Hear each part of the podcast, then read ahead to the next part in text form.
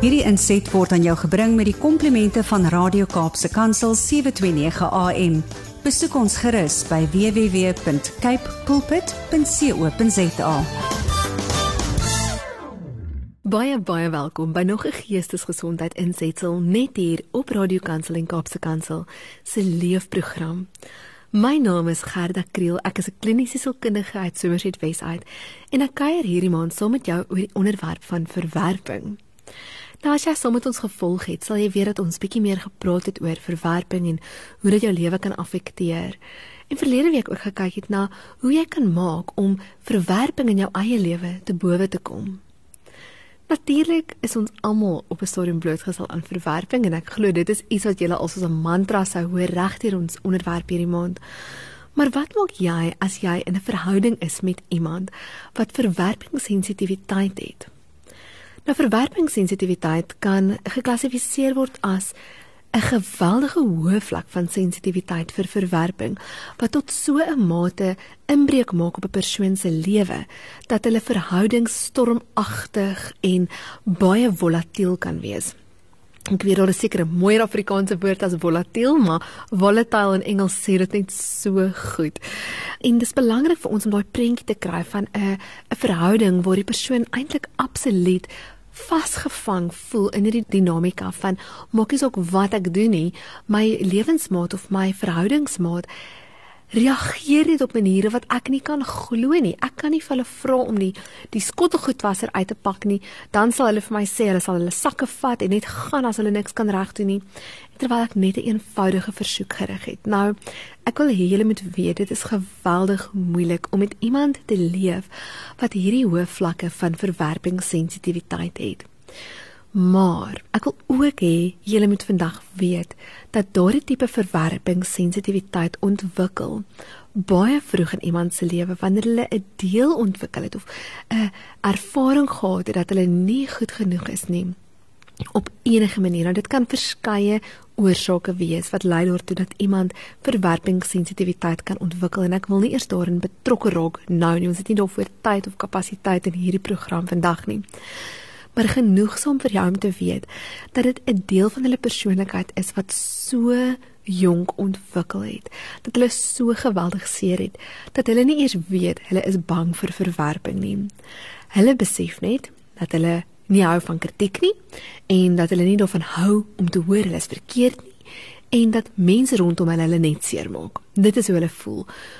Maar dit is nie noodwendig 'n akkurate beskrywing van hoe die wêreld is nie. Dit is net hulle belewenis daarvan. Nou wil ek ook by sê, hulle belewenis is geldig en as jy so 'n geliefde in jou lewe het, wil ek jou regtig aanmoedig om hulle by iemand te kry wat hulle op 'n professionele manier kan help met terapie om deur hierdie gevoelens van verwerpingssensitiwiteit te werk. Identifiseer ons daardie verwerpingssensitiwiteit. Nou verwerpingssensitiwiteit kom wanneer jy baie baie sensitief is vir enige ietsie wat 'n gewone mens nie as verwerping sal sien nie. Dit sien jy as verwerping en jou reaksie daarop is heeltemal groter as wat die probleem eintlik vereis. Jy sal dalk geweldige woede hê of groot emosionele uitbarstings. Nou, Dis belangrik vir jou om te weet dat dit is jou reaksie, dis iemand se reaksie daarop, maar die sneller vir hierdie reaksie lê soms in die omgewing. Nou, ek wil glad nie enige iemand se emosionele reaksies regverdig en sê ons moet mense net los, hulle moet so optree nie, nee, glad nie. Ons moet elkeen verantwoordelikheid vat vir ons emosies. Dit is my baie belangrik dat julle dit hoor vandag. Ons is elkeen verantwoordelik vir ons eie emosies en dit is nie jou verantwoordelikheid om jou verhoudingsmaat se emosies te probeer bestuur nie. Maar dit is dikwels wat gebeur wanneer jy in 'n verhouding is met iemand wat verwerpingssensitiwiteit het. Is dat daar beginsel vir dans ontwikkel tussen julle waar jy verantwoordelik voel vir jou maat se emosies en dat jy dan begin optree op 'n manier jy werk rondom die probleem. Jy weet jy jy maak seker dat jy sal nooit vir 'n vrou meer 'n huistaakie te doen nie. So jy doen alles. Jy weet en die las in 'n verhouding word net so geweldig groot. Maar hoe nou gemaak? Konflik en kritiek is deel van verhoudings. En as jy met iemand in 'n verhouding is, langtermyn of of met 'n lewensmaat selfs in 'n verhouding is, dan kan dit baie maklik gebeur dat jy in 'n siklus van konflik vasval. Ons is so geneig om uit te wys wat 'n persoon sleg doen. Reg, dit wat ons plaag, met my arme eie man ook.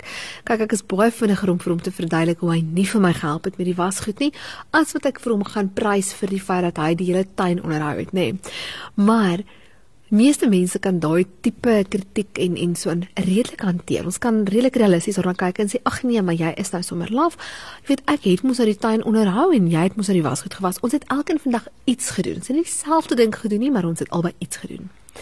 Iemand met verwerpingssensitiwiteit gaan agter geweldig verdedigend optree en gaan net kom met al hulle hulle pyn en, en dit op jou op jou sit. Maar nou wil ek vir jou sê, die geheim daarin is dat jy nie net moet fokus op die feite nie. Dat jy ook moet kyk na die emosies. So jy kan miskien ietsie sê soos, "Ag, weet jy jy ek ek het ek het nou gevoel ek voel bietjie frustreerd omdat ek altyd die wasgoed moet ophang en jy hou nie van hoe ek die wasgoed ophang nie en ek het gedink dalk kan jy my help." Of jy kan jou jou emosies daar sit in plaas van om net dadelik te gaan en te kritiseer, kan jy sê, "Ek voel XYZ."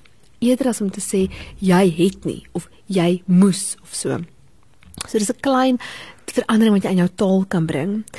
En dan is dit vir my altyd belangrik dat ons ook net 'n bietjie van 'n 'n kompliment gee word dit word dit werk. Word dit nodig is en word dit realisties is 'n realistiese kompliment is om te sê, weet jy baie baie dankie dat jy vir my vandag hierdie gedoen het of ek het raak gesien dat jy die tuin so mooi versorg het en ek waardeer dit geweldig baie sodat iemand wat verwerpingssensitiwiteit het net ook kan besef, wag, dit wat ek goed doen word ook raak gesien. Nou weet ek ook dat as jy reeds in 'n siklus is waar iemand verwerpingssensitiwiteit het en jy is reeds in daai konfliksiklus, dan is dit so moeilik om daar uit te breek en by 'n punt te kom wat jy mekaar weer kan geniet en mekaar se geselskap kan geniet. So ek wil julle regtig vra om 'n punt te maak daarvan om jou maat se sterktes ook uit te wys. Die realiteit is dat meeste van ons hou nie van kritiek nie en ons maat met verwerpingssensitiwiteit hou minder daarvan as wat ek of jy daarvan hou. Daarom het jy nodig om dit wat jy wil hê hulle anders moet doen, so te verpak op 'n manier dat dit nie soos kritiek klink nie. En weer eens, met geweldige verwerpingssensitiwiteit kan enigiets soos kritiek klink. Maar jou verantwoordelikheid is nie om hulle emosies beter te bestuur nie. Dit is om jou rol in die interaksie aan te pas en te verander. Daar is 'n fantastiese boek um, wat geskryf is rondom mense wat met geweldige verwerpingssensitiwiteit is en en een van die belangrikste dinge wat ek geleer het met met, met huweliksmaats en terapie doen met hulle is om te as mense toe te laat om regtig eerlik met mekaar te praat. Jy weet soms loop ons op eiers rondom mekaar en dit doen dikwels die verhouding meer skade as goed. Wil vandag uitdaag, hou op om op eiers te loop praat met mekaar reguit en wees eerlik en kommunikeer ook aanhoudend jou liefde en die rede hoekom jy in die verhouding bly met die persoon. As jy as 'n egpaar saam by die punt kan kom dat jy besef daar is verwerpingssensitiwiteit in een van julle, gaan sien 'n huweliksberader, 'n terapeut of 'n sielkundige wat julle kan help om dit beter te verstaan en om dit te verwerk en dit deur te werk. So wat beteken dit vir jou verhouding? Nommer 1 Jou verhouding kan werk as jy julle kommunikasiepatroon kan verander op 'n manier wat vir julle werk. En dit help natuurlik as jy albei tot die insigte kan kom en kan sê hier is verhoudingssensitiwiteit. Reg so, kom ons leer hoe om taal te praat wat nie die sensitiwiteit wakker maak nie. En dan kan 'n mens 'n leerproses gaan waar jy vir jou maat kan sê Ek wil hê jy moet vir my sê wanneer dit wat ek vir jou sê vir jou kritiek voel en dan gee vir my die kans om vir jou te verduidelik wat ek bedoel. So 'n interaksie kan dalk so lyk. Die eerste maat sê ek kan nie glo jy het hierdie skottel goed gewas nie. En dan sê die maat met verhoudingssensitiwiteit, "Ooh, wag. Dit wat jy nou sê, laat my voel asof ek nie goed genoeg is vir jou nie." Dan kan jy sê, "Nee, wag 'n oomblik. Dit is nie wat ek sê nie. Wat ek sê is ek voel teleurgesteld omdat jy nie skottel goed gewas het nie terwyl ek besig was om kos te maak en het ek het regtig gehoop ek kan jou hulp in hierdie verband kry. So nou praat ons nie oor jou nie, ons praat oor die skottelgoed wat gewas moet word. En op daardie manier kan die persoon met verwerpingssensitiwiteit dan sê, "Goed, wanneer jy dit so sê, voel dit vir my beter." Maar weet jy wat vir my selfs beter laat voel? As jy miskien eerder net vir my regheid vra, "Sal jy asseblief die skottelgoed was?" Dan weet ek wat jy van my verwag en ons het nie nodig om hierdie gesprek te hê nie. sien, wanneer ons saamwerk, saam taal kry vir dit wat ons probleme is. En wanneer verhoudings en en koppels lekker kan begin saampraat oor wat werk en wat werk nie in terme van die interaksie tussen hulle, dan kan 'n regte verskil kom. Jy mag vir jou lewensmaat met verwerpingssensitiwiteit baie lief wees en jy mag vir hulle baie liefde kommunikeer, maar jy moet ook na jouself kyk. Jy hoef nie altyd aan die ontvangkant van hulle woede en hulle pyn te wees nie. Reg? Jy mag vir hulle sê hoe jy nou reageer voel vir my bietjie oorbodig vir die onderwerp aan tafel. Kom ons vat net 'n oombliekie uitmekaar uit. Kom ons vat 'n breather vir 10 minute en ons kom terug en ons praat weer hieroor want ek moet ook myself beskerm. Nou om sulke ek praat van margins, nê, nee, sulke bietjie kantlyn in te bou in jou interaksies in. Maak dit moontlik vir mense om op 'n meer rasionele, rustiger manier verder met mekaar te praat.